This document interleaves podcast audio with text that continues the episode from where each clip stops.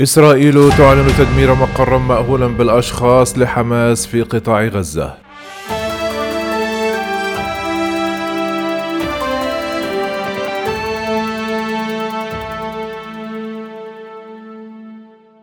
في خطوة تصعيدية جديدة أعلن الجيش الإسرائيلي اليوم الخميس تدمير مقر لحركة حماس في قطاع غزة وكان فيه العشرات كما أعلن استهداف منزل سامر أبو دقة مسؤول المسيرات المفخخة في الحركة. في المقابل اعترضت إسرائيل صواريخ أطلقت من غزة فوق عسقلان وأفاد مراسلون أن إسرائيل رفعت حالة التأهب مع إطلاق حماس لمسيرات مفخخة مشيرا إلى أنه تم إطلاق إطلاق دفعة صواريخ من غزة على أسدود وعسقلان واعترضت القبة الحديدية بعضها.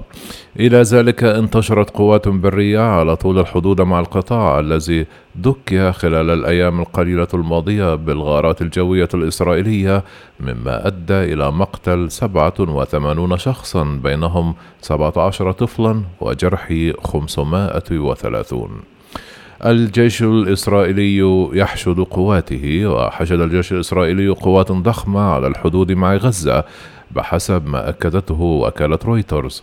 فيما أوضح المتحدث باسم الجيش أن الموافقة على خطط التدخل البري في القطاع قد تصدر في وقت لاحق اليوم.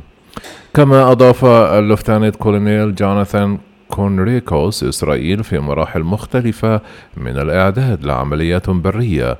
ما يعيد إلى الأذهان توغلات مماثلة تمت خلال حربين دارتا في عام 2008 ل 2009 وفي عام 2014 وقال رئيس الأركان يتفقد تلك الاستعدادات ويعطي توجيهات لدينا مقر وحدة عسكرية وثلاث كتائب للمناورة في غزة تهيئ نفسها لهذا الموقف وحالات طارئة أخرى. ولاحقا أعلنت وزارة الداخلية التابعة لحماس أن قصفا إسرائيليا بعدة صواريخ دمر مبنى جهاز الأمن الداخلي في مدينة رفح. فيما أوضح مراسلون أنه تم إطلاق عدة صواريخ تجاه مستوطنات غلاف غزة.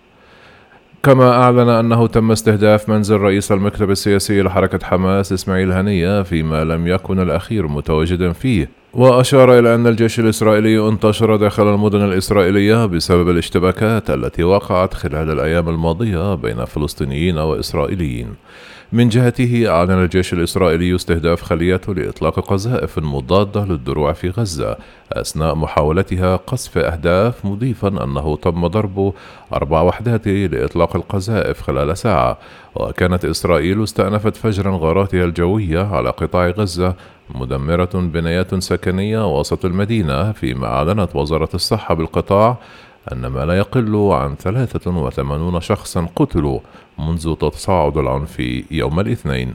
أما في إسرائيل فقد أعلن الجيش مقتل سبعة أشخاص إثر إطلاق حركتي حماس والجهاد الإسلامي صواريخ باتجاه مناطق مختلفة خلال الأيام الماضية. يذكر أن التصعيد مستمر رغم تجديد العديد من القوى العالمية دعوات التهدئة ومع توقع اجتماع ثالث لمجلس الأمن غدا الجمعة بعد فشله في جلستين سابقتين من إصدار أي بيان توافقي حول الأوضاع المحتدمة بين الفلسطينيين والإسرائيليين.